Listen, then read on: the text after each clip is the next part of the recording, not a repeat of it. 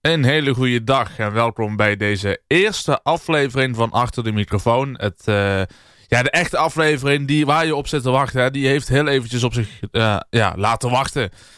Ja, dus... Uh, maar ja, dan krijg je er ook wel wat voor terug. Hè? Want aflevering 1 is natuurlijk ook meteen een bijzondere gast. Want sterker nog, deze gast heeft het hele idee rondom Achter de Microfoon aangezwengeld. Uh, niemand minder dan Rob Klaasens. Met hem gaan we spreken over zijn eigen programma Volksmuziek met Schwung. Wat al ja, inmiddels al meer dan 25 jaar uh, hier op de lokale radio van, uh, van Venray te horen is. En uh, samen met bijvoorbeeld de carnavalsactiviteiten die we elk jaar volop op onze kanalen laten zien. Dus, aflevering 1. in gesprek dus met Rob Klaasens van Omroep Venray. En ja, veel luisterplezier. Yo! Omroep Venray. Kan die? Voor mij part kan niet. Nou, top. Dan de band loopt volgens mij. Um, nou, uh, welkom in ieder geval als je luistert. Goedemiddag, goedenavond, goedenacht of goedemorgen. Uh, dit is uh, de podcast en wordt leuk de titel Achter de microfoon. Zo gaat hij heten, want we hebben veel verschillende mensen die hier gaan zitten. Nou, in ieder geval de eerste reeks aan podcasts uh, die... Um, ja, dat gaat voornamelijk over Omroep Venray zelf. Dus eigenlijk over onze eigen... Ja, wij van WC1 om het zo maar even te noemen. Maar ja, het is voornamelijk een beetje het idee gekomen door de gast die hier tegenover mij zit. Um, we, gaan het, uh, we gaan eigenlijk verschillende mensen interviewen en bevragen en uh, een gesprek voeren... Uh, die eigenlijk al meer dan 10 jaar, 15 jaar, 20 jaar, 25 jaar hier bij de omroep zitten... En stiekem zijn er toch wel wat. ja, nummer 1, daar zit dus tegenover mij. Zit al sinds, moet je even zeggen, de 96, 1996 bij de omroep. Rob Klaasens. Ja, dat klopt eigenlijk al. Ja, inderdaad. Uh, welkom. Uh, ja, het idee kwam eigenlijk van jou af, hè? Stiekem. Want we hebben een kort gesprekje met elkaar gehad. Uh, ja, we komen elkaar wel eens in die wandelgangen tegen hier in de studio. En dan heb je zoiets van, ja, wat gaan we nu deze week wat doen? Jij in je eigen uitzendingen. Ik ja. in mijn doelgroepprogramma waar we dadelijk uitvoerig op terugkomen. Maar er zijn mensen die, zoals ik het altijd noem, zelf de studio betreden voor de gezelligheid, maar ook voor hun uurtje radio maken. Ja. En ik denk dat ik toch wel bij het kopje nummer 1 hoor. Ja, dat denk ik ook wel. Er zijn een aantal mensen die natuurlijk hier uh, uh, alleen de zaterdagmiddag komen en hier een uh, programmaatje maken. en misschien tussendoor wel eens is het bij een evenementje iets doen. Hè? Wellicht een uurtje presenteren. Maar er zijn ook heel veel andere mensen die ook heel veel achter de schermen nog bezig zijn om heel veel dingen te regelen. Ja, de carnavalsuitzendingen, nou, dat is onder, onder andere ook in. Daar komen we straks nog heel eventjes op. Uh, maar die inderdaad gewoon heel veel tijd insteekt in de omroep. Uh, en jij doet het al eigenlijk al meer dan 25 jaar inmiddels. Ja, precies. Je zegt 27. En uh, in het najaar, we gaan nu een najaar in. En precies gezegd 26 november 1996 ja. staat onder mijn medewerkersovereenkomst hier bij Omroep de handtekening dat we zijn begonnen. Ja, de start van, uh, van zo'n ja, avontuur. Hè? En als je dan denkt van zoveel jaren geleden en dan zie je overal in de media tien jaar bestaan, uh, tien jaar actief daar, tien jaar dat, 15 jaar dat. Ja. Ik kan me nou nog als de dag van, de, van gisteren nog herinneren dat, dat ik het 15 jaar jubileum vierde. En zelfs het 10 jaar jubileum, daar zou ik dadelijk ook nog wat uitvoerig over gaan hebben van mijn radioprogramma. Maar eigenlijk ben ik niet als een persoon binnengekomen die uh, de volksmuziek wil, wilde gaan promoten op de radio. Ik had helemaal niet de insteek om dit te gaan doen. Mm -hmm. Maar met mijn achterliggende, uh, met mijn achtergrond, enige achtergrond, uh, kwam dat toch wel tot zijn recht. Ja. Maar um, ja, als ik dan 1996 zeg, uh, we zaten toen niet hier in dit gebouw. Nee, want had jij voordat jij bij Omroep Venray begon, eigenlijk, voor, ja, toen het eigenlijk een beetje Omroep Venray was, had jij voorheen ook ergens anders gewerkt in een media ding of iets, of bij een omroep? Nee, het was uh, voor mij eigenlijk de eerste stap richting de radio. Uh, ik was toen wel een aantal jaar daarvoor begonnen met uh, het drive-in wereldje. Uh, lekker hobbyen en feestjes en partijen verzorgen. Ja. Wat we 30 jaar later nog steeds doen bij gelegenheden en, en wat dan ook allemaal meer. Maar um, dat gaf me toen twee jaar daarna een beetje de, de inspiratie meer om uh, naar de lokale radio te luisteren. Um, ditjes en datjes. En toen kan ik me nog goed herinneren.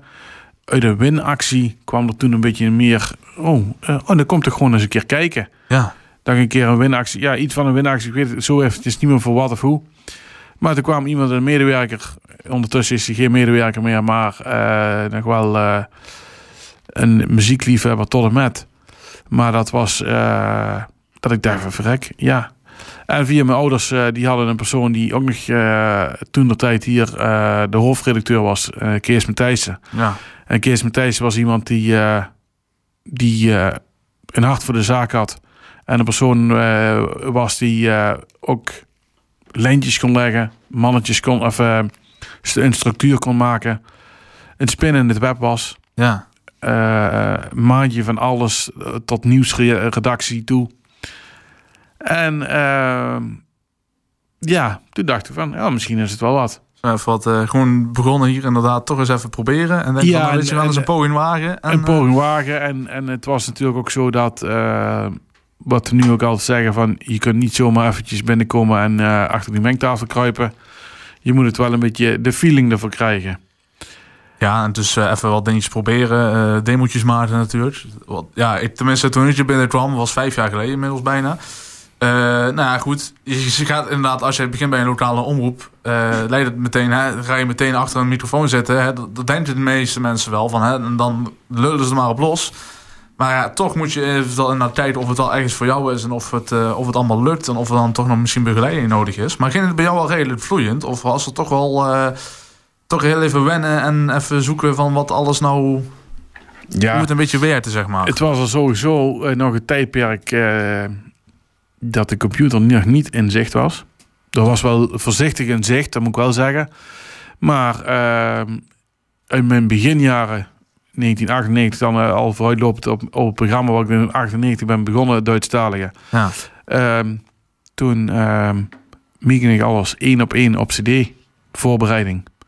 De voorbereiding die we nu tegenwoordig kennen, dat was 25 jaar geleden echt compleet anders. Nou, toen had je echt bandjes en eh, cd'tjes. En wat je echt allemaal eh, cd'tjes, fysiek minidisc, doen. LP, singles. ik zeg ook altijd, door die 25 jaar heen, 27 jaar zeg maar, Ja. ehm, heb ik eigenlijk alle geluidsdragers wel de revue zien passeren. Minidisc, DCC, eh, de bandrecorders. Ehm, ik kan me de, de verhuizing naar hier, naar dit gebouw, nog goed herinneren. Mhm. Dat we hier eh, een hele U-vorm aan apparatuur hadden staan. Met nog een grote computerschermen met ja, bijna een meter diep.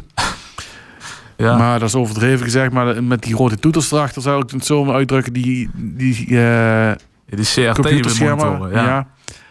Eh, we begonnen toen de tijd een non-stop gebeuren met Winamp. Ehm toen de tijd was het ook eh, één op één dus nog non-stop uren invullen. Die Ja. hebben met verschillende collega's gedaan toen de tijd. ja, maar dat met Hadden we, een gedaan. hè? roleer- hadden we een roleringssysteem in. Ja. Ehm, daardoor, daar ben ik eigenlijk ook mee begonnen. Met non-stop eh, uitzendingen eh, samenstellen. Ehm, toen langzamerhand kwam het tijdperk eh, Winamp, computer. ehm, en nou denk ik ruim eh 20 jaar, in 2000 ongeveer. Toen kwam het tijdperk dat, dat wij overgegaan zijn naar de LED. Ja. Ja, en dat let is eigenlijk eh, voor de mensen die het niet weten, die Het luisteren. computersysteem. Eigenlijk het computersysteem waar alle jingles, muziek, eh, interviews, hè, als die opgenomen zijn. Eigenlijk is dat een beetje hard als jij naar Omroep Venray luistert. eh, komt, ja, kwam daar alles vanaf. Eh Ja. ja. tegenwoordig is dat de Omniplayer geworden. Dat is eigenlijk een nieuwere versie van de LED. Maar ehm, even terugkomend op het begin. toen jij binnenkwam. ehm, en, en misschien voor de eerste keer ja, de voeten zetten bij Omroep Venray. Hoe zag de... Hoe zag een beetje de omgeving eruit? Wa- Was er veel, waren er veel mensen op de, ja, die toch wel bezig waren? Want je had natuurlijk de redactie ook, denk ik. eh, die toch wel wat nieuws verzorgde. Of, Ja, voor de mensen eh, die het, eh, het oude pand, zou ik het zo zeggen, nog kennen, waar nu tegenover de Paterskerk, het oude lyceum, daar, daar kwam je de trap op. Dat hebben we hier natuurlijk wederom ook. Je kwam de trap op, je kwam meteen ook in een ontvangsthal. Ehm, en de redactie was eigenlijk twee in één. En er was één studio in de grote spreekzaal. Eigenlijk vergelijkbaar met, met wat we nu hebben, waar we nu ook zitten. En daarachter was nog een kleine, ja, kleine, kleine strook, noem ik hem even, maar een kleine ruimte. waar nog een programma voorbereid kon worden. En dat was het. Ja. Maar eh, als ik dan kijk door de jaren heen ook aan medewerkers die we hebben zien gaan, ehm positief zijn, zien gaan en zien blijven, zien terugkomen. Zo heb ik er in die, deze jaren ook al een aantal gezien. Helaas natuurlijk ook verschillende mensen eh, ontvallen. Mm. Maar eh, door die jaren heen was het wel een plezierig iets om te doen. Ja. En dat blijft nog steeds. Ja, sowieso. En eh, soms als je nog wel eens binnenloopt, dan, eh, ja, dan- is er nog wel activiteit, zeg maar. Eh, veel mensen, dat merk je wel, denk ik misschien. Dat er heel veel mensen nu wel... eh, de- het thuiswerken is wat meer een ding geworden binnen een lokale omroep. Want eh, ja, nieuwsartikelen kunnen we tegenwoordig vanuit eh, thuis eh, op de site zetten. Dus de redactie ziet er wel... Hè, er zitten niet heel veel mensen meer. Eh, ik denk dat dat vroeger wel wat meer was, denk ik, toch? Dat er wat meer mensen hier echt gewoon eh, aan het werk waren. Als Echt jij, eh, actief achter de computer. Eh, Dan, dan, dan waren er altijd wel een, eh, drie, vier, eh, drie, vier personen. En we hadden toen de tijd ook een actualiteitenprogramma, eh, genaamd Lokaal Centraal. Daar kwam iedere dag dagelijks eh, nieuws eh, op de zender. Was zeker ook altijd een, een, een uur. Als je dan terugkwam van toen de tijd van mij nog van school of van werk. Dan dacht je verrijp. Oh, even was naar de studio toe ja. de categorie mensen die, die geïnteresseerd, zou ik het zo even Ja. zeggen. Eens even kijken hoe dat nu gaat. Want ik zeg ook altijd, eh, kijk mee en doe mee. Want eh, wat de een doet, kan de ander ook. En het is gewoon het meekijken kan ook eh, interessant zijn. Eh, oh ja, Verhip, oh, maar dat knopje zit daarvoor. Ja, maar jij weet waarom dat het daarvoor is. Ja, maar de volgende keer weet jij het ook. Dus het is een... eh, ja, je dat soort een, dingen mee, doorgeef, een doorgeefluik eh oppikken Ja. en doorgeven. Ja, precies. Want ja, inderdaad, dat was een beetje eh, een periode november 1996, was het een beetje begonnen. Eh, maar als, het, nu- als u nu eigenlijk mei 1998 zegt, wat denk je, wat denk je dan aan? Dan denk ik aan zaterdagmorgen 10 uur, de eerste uitzending. En ik was eh, werkzaam bij een varkensbedrijf.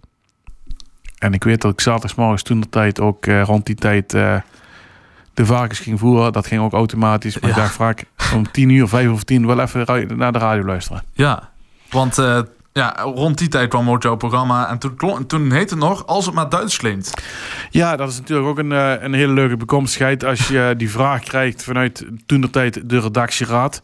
Ja. Eh, wat nu eigenlijk een, een, een orgaan is wat, wat niet meer echt binnen de omroep functioneel is, maar het is wel belangrijk. Ja. Ehm, die stelde de vraag van, we willen eens eh, gaan, gaan kijken of we de programmering wat kunnen gaan veranderen, wat ver- verbreden met doelgroepprogramma's. We hadden toen de tijd natuurlijk al een, een programma wat eh, gebaseerd was op de countrymuziek. Rijn Wortelboer die had al vele jaren dat programma. En daardoor kwam er ook aanbod aan andere soort programma's. En toen is mij die vraag gesteld: zou je een volksstuurlijk programma willen gaan presenteren, gaan maken? Dat hebben we de eerste vijf jaar gedaan, non-stop. Mhm. Dat non-stop stuk doorgezet. En toen op een gegeven moment gezegd: van ja, doordat je toch meer kennis wilde opbouwen, contacten ople- opbouwen, eh, zijn we dat gaan, gaan presenteren. Ja, want dat kwam omdat je echt in die muziek zat. Al, toen nog al? Toen al? eh, Ja, of is eh, dat echt een beetje gegroeid? Dat is echt wel gegroeid. Ik ben er eigenlijk... De volksstuurlijke muziek, die heb ik toch wel enigszins met de paplepel ingege- ingegeven gekregen. Mhm. Maar op een gegeven moment, toen ik in 96 bij de radio kwam, bij de omroep kwam... en dus terugkom op die non-stop programma's... toen was het dus ook zo dat je eigenlijk ook de vrije keus had... eh, hoe een uur eruit zag. Ja. Maar een vrije keus wil ik dan zeggen met van een plaat regionaal Nederlands 70, 80, ehm 50, maar misschien zelfs eh, 90. En dan een soort van Europese muziek, eh, die Duitse muziek. En, en zo kwam dat een beetje van tot stand. Dat mensen dachten, vrek, eh Rob, kun je misschien ook eens vragen of hij niet dat volksstuurlijk programma willen gaan doen. Ja. En eh, dat resulteert nu dat we zo'n 1288 uitzendingen of meer verder zijn. Zo, want elke week is er, eh, of tenminste toen was het een tijdje dat het twee keer per week zou zijn. Hè? Ja, Eh, toen ben ik eh, begonnen dus in, in zijn 18 mei 98 op de zaterdagmorgen. Ja. Dat heeft een, een drie jaar, vier jaar geduurd ongeveer. Toen kreeg ik de vraag van, we willen de programmering toch wat veranderen. En als je dat gaat presenteren, vinden we dat toch leuker als het in, in de week valt. Toen eh, hebben de mensen ook bedacht dat ze een programmering konden gaan creëren dat eh, we de doelgroepprogramma's op iedere avond hadden. Mhm. Dus dat de mensen, de luisteraars ook een kenmerk hadden van op maandag dat, dinsdag dat, woensdag dat. Ja. En donderdag was de volkstumelige avond. Jarenlang was dat, eh, was ik het voorprogramma van het eh, programma eh, Was in de Troubadours gebleven en eh, was uh, en Geer gedaan van Oscar Hovens. Ja. Die is ons helaas ook ontvallen, maar vele jaren ook voor hem gezeten. En ook was hij in de beginjaren een beetje, ja, een steunpilaar zou ik niet zeggen. Maar ja, ook wel omdat hij de Limburgse en die Brabantse muziek.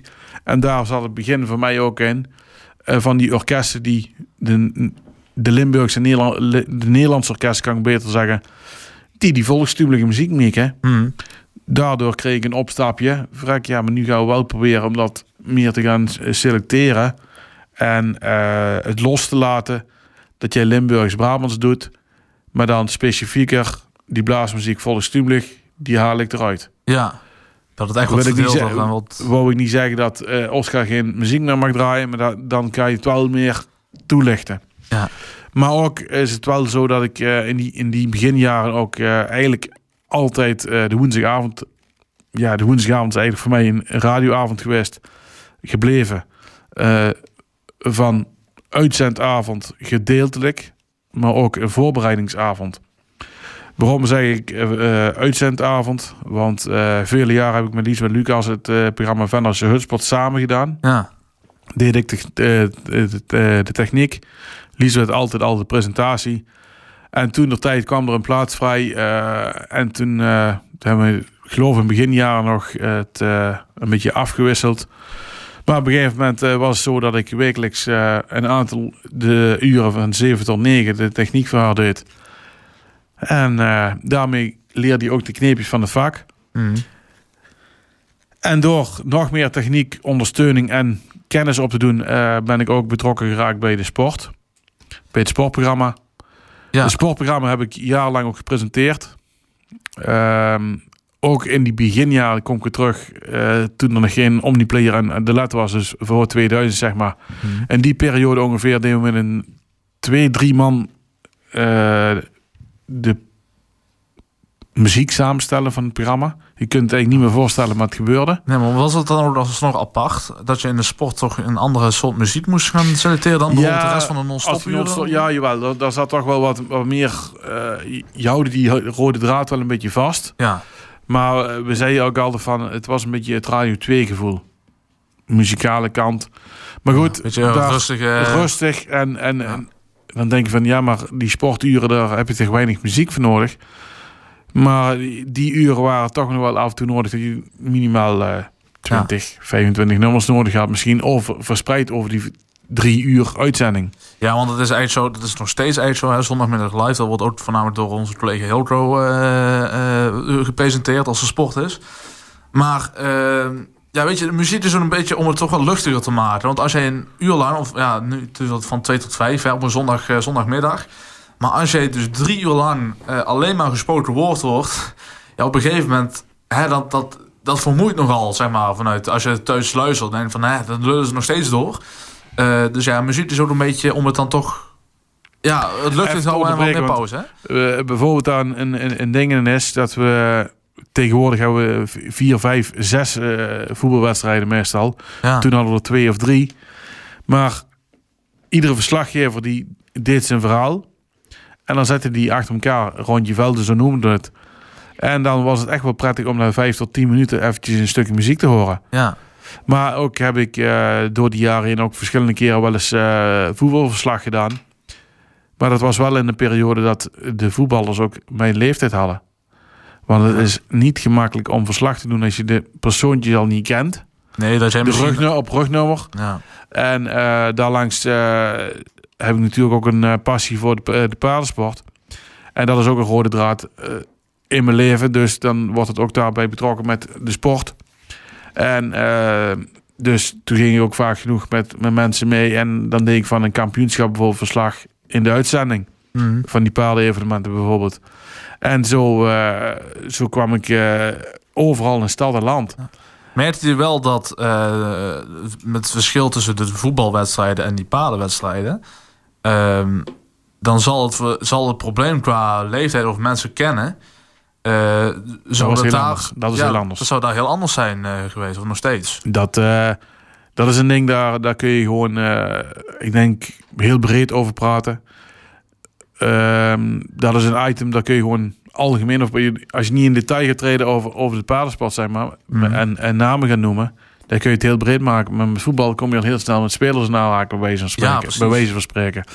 Maar je, ik zeg wel altijd, als je een uh, verslag doet, dan moet je wel een beetje achtergrondinformatie hebben of uh, kennis van, van die tak van sport hebben. Mm. En dan maakt het wel, wel leuk om dat te doen. Ja, nee, zeker. Uh, nou, inderdaad, dat sportprogramma uit steeds gedaan. Doe je dan nog steeds iets mee? Of ben je dan wat ja, de, het sportprogramma staat een beetje op een laag pitje.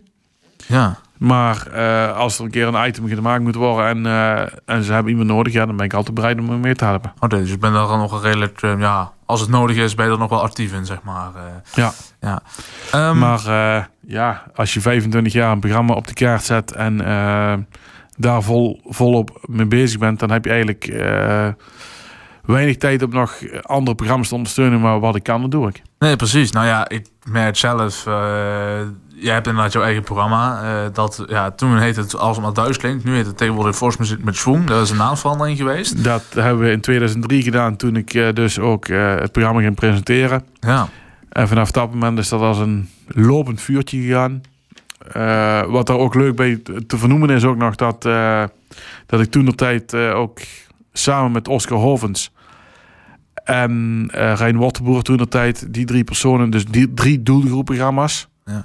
Um, werd ons ook alle muziek aangedragen. Vanuit artiesten? Vanuit de artiesten. Ja. Ja, we zijn van Oscar Hovens. Ik heb, uh, ik heb hem zelf niet gekend. Want ik kwam ver, denk, nadat, uh, ver nadat hij overleden was. Uh, ben ik hier begonnen. Maar ik heb veel verhalen gehoord inderdaad dat hij echt geliefd was bij artiesten. Bij ja, bij, ja, waar, waar, hij dus kwam. Hè. Hij kwam heel veel bij zijn optredens. En hij heeft ook heel veel tijd gespendeerd om ons op de kaart te zetten, volgens mij. Wat Oscar Hovens sierde, dat zal niemand hem nadoen. Dat was dat hij wekelijks gast hier aan tafel had. Mm. Dus zaten we al hier inmiddels.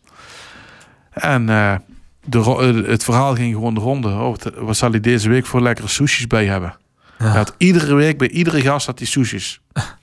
En wat ik ook weet, je had een, uh, een kladblok of een eh, boekwerk ondertussen met een stuk geschreven tekst van alle artiesten die er waren of zijn geweest. Gewoon, en, en dan kwam je in de landen en, dat was na zijn overlijden bijvoorbeeld en, en, een kleine anekdote erover. Stond ik op het LVK. Er is geen link naar de vastloop, maar toch. Uh, toen zei ik tegen Frans Kronenberg, inmiddels is hij nu ook uh, gestopt vanwege gezondheidsredenen. Maar ik zeg, ja, de, zo en zo. Ja, heb je ook gehoord van het overlijden van Oscar? Och, dat minder niet. Ja, hij is overleden, ja. Och, wat gingen we toch graag naar, naar vanuit toe voor de sushis. Ja. Zo, zo'n ja. Zo'n gedachte, iemand uit Zuid-Limburg, dan denk ik toch... Of uh, die gasten van hem kwamen ook uit, uh, uit uh, West-Brabant bijvoorbeeld. Ja, dat maakt niks uit. Maar daar, van, daarin is Oscar voor mij wel een voorbeeld geweest. Want al die jaren en sinds 2003, 2004 ben ik ook festiviteiten gaan bezoeken. Hmm. En dat, dat resulteert ook weer in successen dat, dat ik die kennis daarmee opgebouwd heb. Ik zeg ook altijd van de informatie ligt op de, bij de festiviteiten. Ehm, maar ook de kennis. de kennis in de zin van dan hoor je de muziek ook een keer live spelen. Dan kun je ook vertellen wat, wat staat er op die CD. Oh, dan heb ik een keer live gehoord. allemaal die achtergrondinformatie die kun je tot een recht brengen in die uitzending. Ja, precies. Maar dat, dat is inderdaad uh, wat hij dag. Want dat, uh, dat zijn dus ook dingen die je van hebt overgenomen dan? Of, of... Dat is wel een klein beetje wat ik van Oscar denk ik zal over hebben genomen. Maar uh, door de enthousiasme van de contacten die je dan zelf opbouwt... Mm. word je daar wel door dat virus besmet. wat, een goed, wat natuurlijk een gezond virus is. maar dat is wel zoiets van verhip zo zeg ik altijd van, ik kom ook een stad te land. Als ik zeg dat ik verschillende keren in de Lutte ben geweest, dan denk ik, waar ligt de Lutte? Ja, In, in, Overijssel. Maar ook zijn we al uh, verschillende jaren op, uh, te gast geweest in Essen in België. Dat ligt in West-Brabant. Ja. Eh, Zuid-Limburg, Rijmerstok, Oldenzaal in de Achterhoek, Groningen, Vledder. Ik noem nog maar even een paar dorpen Ja. en plaatsen, plaats, plekken op. En natuurlijk niet te vergeten het, het, het gigantische festival in het Midden-Limburgse in, in Beringen. Hmm. Ja, dat was gewoon een, een prooi voor de radiomensen, uh, voor de liefhebber. Ja. Omtrent de, deze stijl muziek die ik op de, wekelijks op de radio breng. Ja, precies. Want nou ja, volksmuziek met schoen, dat, doe, ja, dat doe je eigenlijk al... Ja, zo kan je het eigenlijk wel noemen sinds het begin dat je hier bent bij de omroep. Um, en daarbij is het ook... Uh, het is niet zo alleen dat het echt beperkt wordt tot echt de Venhuizen gemeente. Uh, volgens mij luistert uh, ja, sowieso heel Nederland. Hè? Mensen die in dat straatje zitten, hè? die liefhebber daarvan zijn vanuit Nederland. Maar ook volgens mij vanuit het buitenland. Want Duitse luisteraars heb je volgens mij ook, dacht ik. Het zou zomaar kunnen, want het is zo dat ik natuurlijk wekelijks de playlist online zet. Ja. Waarom dat ik een website heb ge, laten bouwen en het uit laten drukken dat dat ik laat zien dat die muziek gedraaid wordt.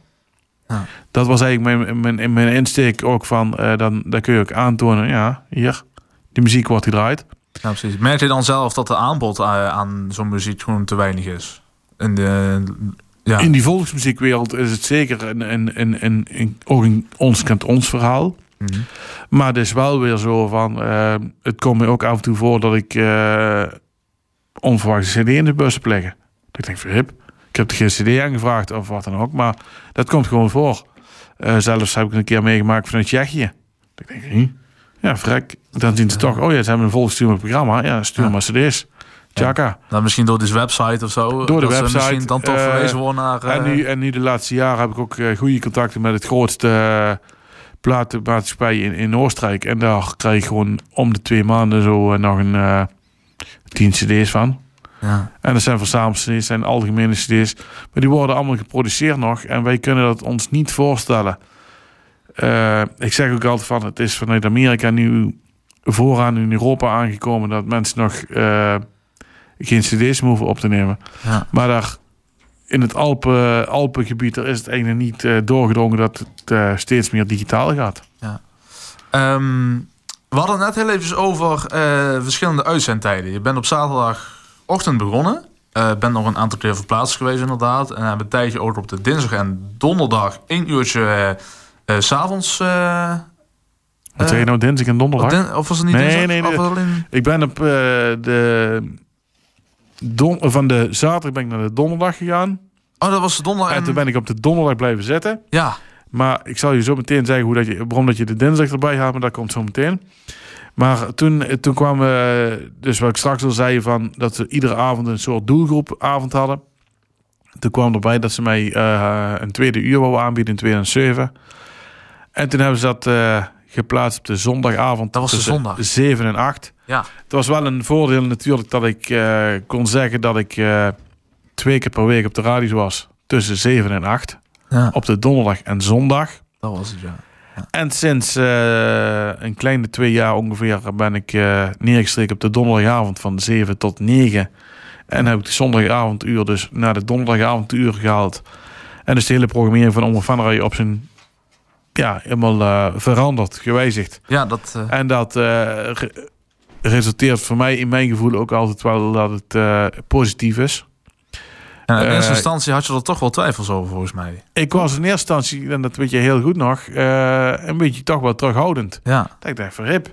Maar Want, dat was eigenlijk ook wel weer in, in, een periode toen dat de toekomst, waar we het daar ook kort over zullen gaan hebben, uh, iets, iets meer gaf. Dat ik dacht, verhip, ja, maar dan ga ik tegelijk komen met een collega in, in de landen. Ja.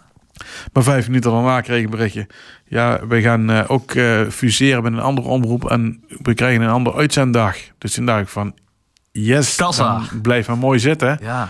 Dan kunnen die mensen die dat vertrouwde donderdagavond uitzendingetje luisteren bij je collega, ja. dit nu op een uur eerder beginnen en een uur klaar, eerder klaar zijn. Ja, dat was dus uiteindelijk de doorslaggevende besluit van we gaan dat toch maar eens doen. En, uh, ja, toch toen maar heb eens gezegd van ja, dan, uh, dan heb ik er wel ben ik er helemaal positief, sta ik er helemaal positief tegenover. Ja, dinsdag en zondag was het, ja. ja het, het, of sorry, donderdag en zondag. Want het, het haalde naar Maar de dinsdag, elkaar, ja. eh, snap ik dat jij daar een beetje mee in de war zat. Want eh, de laatste jaren eh, doe ik dinsdag s'avonds in de vastlandstijd dat het carnavalsuur. Ja, want zeg je, dat eh, is ook een beetje dan dat bruggetje wat ik wilde maken. Want eh, vanuit, vanuit de omroep eh, doe je ook heel veel... eh, eigenlijk voor de carnaval en voor de vastelovend. Ehm dat deed je eerst met Ad van Zwol volgens mij, toch? Daar begon het mee. Dat, eh, nou, eigenlijk moet ik eventjes heel goed nadenken. Want in, eh, in 96 ben ik bij de omroep gekomen. Ja, dan laat je een beetje je interesses eh, merken. Ja, En de, de vastlovend, dat was ook altijd wel een ding dat ik eh ambieerde, wat ik leuk vond, eh meedeed. Ehm, en ehm, de locatieuitzending was toen ook een ding. Dat, dat is altijd ook een rode draad voor mij geweest. Door die bezigheden qua drive-in show en apparatuur wat ik zelf bezit. Dus dat wordt al sneller ingezet voor activiteiten. En ehm, dus... maar ik kan me nog één ding ook goed herinneren van zo'n live-uitzending, opname rondom de vastlovend. Er zijn een paar verbouwingen terug van de Schouwburg bijvoorbeeld. Dat we helemaal boven in een hoekje zaten te kijken. En een uitzending van Circus Mug zaten op te nemen, de zittingsavond. Hm. En, ehm, maar we hebben dus eh, in die periode dat we dus in het oude gebouw zaten toen nog tijd. ehm, hadden we ook nog een andere collega, Gerrit Baten. Die moeten we er zeker niet bij eh, vergeten te noemen. Dat was samen met altijd eigenlijk de, de twee personen die eh, de vastlovend op de kaart zetten toen de tijd. En toen wou Gerrit Baten wat minder gaan doen. Daar ben ik in, na mijn avontuur in Australië terug, eh, ben ik daar erbij gezet, zeg maar, erbij bijgevoegd. ja in die groep... eh, En, en toen, eh, toen ging Gerrit Baat wat minder doen. En toen heb ik het eigenlijk overgenomen met Ad. Tot eh, 2010. Dus in ruim 10 jaar hebben we dat samen gedaan. Dus eh, ja, als je nou eigenlijk telt, eh, dit jaar 25 jaar volksmuziek bezong. En eigenlijk twee keer 11 uh, vastlovend. ja, dat is... Maar goed, dat zijn andere bekomstigheden. Maar we hebben dus tot 2010 hebben we alles samen gedaan met Ad van Zwol. Eh, en dan vindt hij heel leuk dat ik dat nou zo ga zeggen.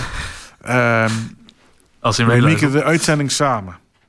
We waren één, we waren één hecht team. Ad eh, werkte de tekst uit. En ik mocht het uit gaan spreken. Dat duurde af en toe wel 10 minuten. Waarom? Deed alles in het vanreis. Oh, Dus, eh, maar dat, dat, dat kreeg je op een gegeven moment door. Ja. En toen zei hij dus na tien jaar tijd van... Rob, je doet het maar mooi uit de losse pols. ja. En eigenlijk vanaf het moment dat ik ook eh, het alleen deed en het Duitsstalig programma ook begon toen de tijd. Ik had nooit een, een voorbereidingstekst. Er zijn nog heel veel die hebben teksten. Ja. Ik hoef nu ook maar een cd voor mijn neus te hebben of een, een cd-nummer te horen. Nou ja, het staat uh, tal en dat nummer in mijn cd-kast. Ja. Het zijn allemaal anekdotes die je dan zo uit, uit je hoofd eh, haalt eh, en, en denkt van, rek, dat zijn maar kleine, kleine woorden. Als ik nu hier een aantal woorden in mijn interviews die ik altijd door de jaren heen heb gedaan, dan denk ik van, ja, dat klopt, dat klopt. Ja. Maar dan hoef ik maar één woordje te hebben en dan maak ik er wel een verhaal van. ja, precies. En dat, dat is wel, dat, dat siert mij misschien ook wel. Maar bijvoorbeeld hier staat het woord eh, blaasmuziekvirus. Ja, dat krijg je op een of andere manier gewoon door, eh daar raak je door besmet. Maar dat is hetzelfde voor het vastloopvirus. ja. Eh muziek, titels, noem het maar op. En dat zijn de leuke dingen die dan... ja, die daarbij betrokken. Dat, is een extra bekomstigheid misschien. Ja, nee, ik merk zelf, bij, het- dat hebben we waarschijnlijk ook wel eens een gezien. Ik, ik schrijf meestal en naar mijn spreker spreekt, eh, dan schrijf je altijd uit in teksten.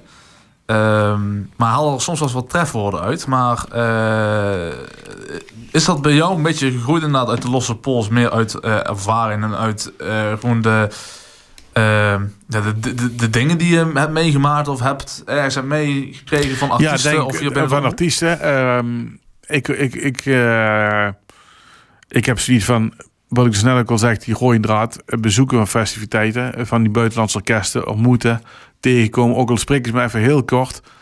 Eh, natuurlijk is dan de vraag van, hebben ze muziek? Hebben ze een cd, bla bla bla. Ja. Maar over die Duitse orkesten gewoon kort maar krachtig te praten. Daar steek je toch dingen van op. Dan denk je van, eh, verhip, ja, oh ja, eh, hij is trompetist, maar is ook muzikaal leider. Hmm. Dus dan heb je al, al twee, drie dingen. En je hoeft eigenlijk niet veel te vertellen, want Die mensen willen muziek horen. Ja, precies. Gewoon weinig gelul en gewoon uh, ja, die plaatjes. Er zijn ook altijd een aantal mensen die uh, onder mijn luisteraars die zeggen van... Niet zoveel praten, maar laat me meer muziek komen. Ja. Ja, maar ik zeg, ja, maar dan moet, dat hoort er ook bij. ja, beetje... maar even goed, maar, maar ja, ik zeg... dan draai ik wel voor jou een keer een plaat extra. Ja, wat minder gepraat en wat meer muziek draaien. Ja, had het maar ook gekund in deze podcast, hè. Want we zitten inmiddels aan de 35 minuten. En nou ja, dit hele gesprek duurde uiteindelijk een uur en een kwartier. Als het uit mijn hoofd. Uh, dus ja, om dan dit hele deel gewoon volledig hier op, op deze podcast reeds te knallen, lijkt me dan iets te lang. Dus we delen het op in twee delen. Dus tot zover is dit in ieder geval deel 1. En deel 2 komt zeer spoedig online als, het, als je dit echt vers van de pers luistert. En anders staat het al lang en breed online waarschijnlijk. In deel 2 ga je het met Rob in ieder geval over hebben over de toekomst van de lokale omroep. Uh, en zijn eigen programma natuurlijk. Uh, zijn 1300ste uitzending komt er overigens aan. En hij heeft wel wat dingetjes uh, ja, als ideeën en wat allemaal op de planning komt te staan. daar gaan we het heel even kort over hebben. ook het Royse Huis, want daar heeft hij ook, ja, is hij ook getuige van geweest natuurlijk. Die aan, afgelopen jaren wanneer het, wanneer het was. Uh, de opbouw van zijn eigen muziekarchief door de jaren heen. Hè. Hij is naar verschillende festivals gegaan en vertelt daar zijn verhalen over. En we gaan natuurlijk verder in de carnaval duiken. Hoe, ja, hoe dat nog allemaal verder zich heeft ontwikkeld de afgelopen jaren. En hoe zich dat nog verder gaat ontwikkelen in de toekomst. En nou ja, we gaan het allemaal meemaken. Deel 2 dus, komt eraan voor je. En nou ja, mocht je dat later gaan luisteren, wens je jou in ieder geval nog een fijne dag. En bedankt voor het luisteren. Tot ziens.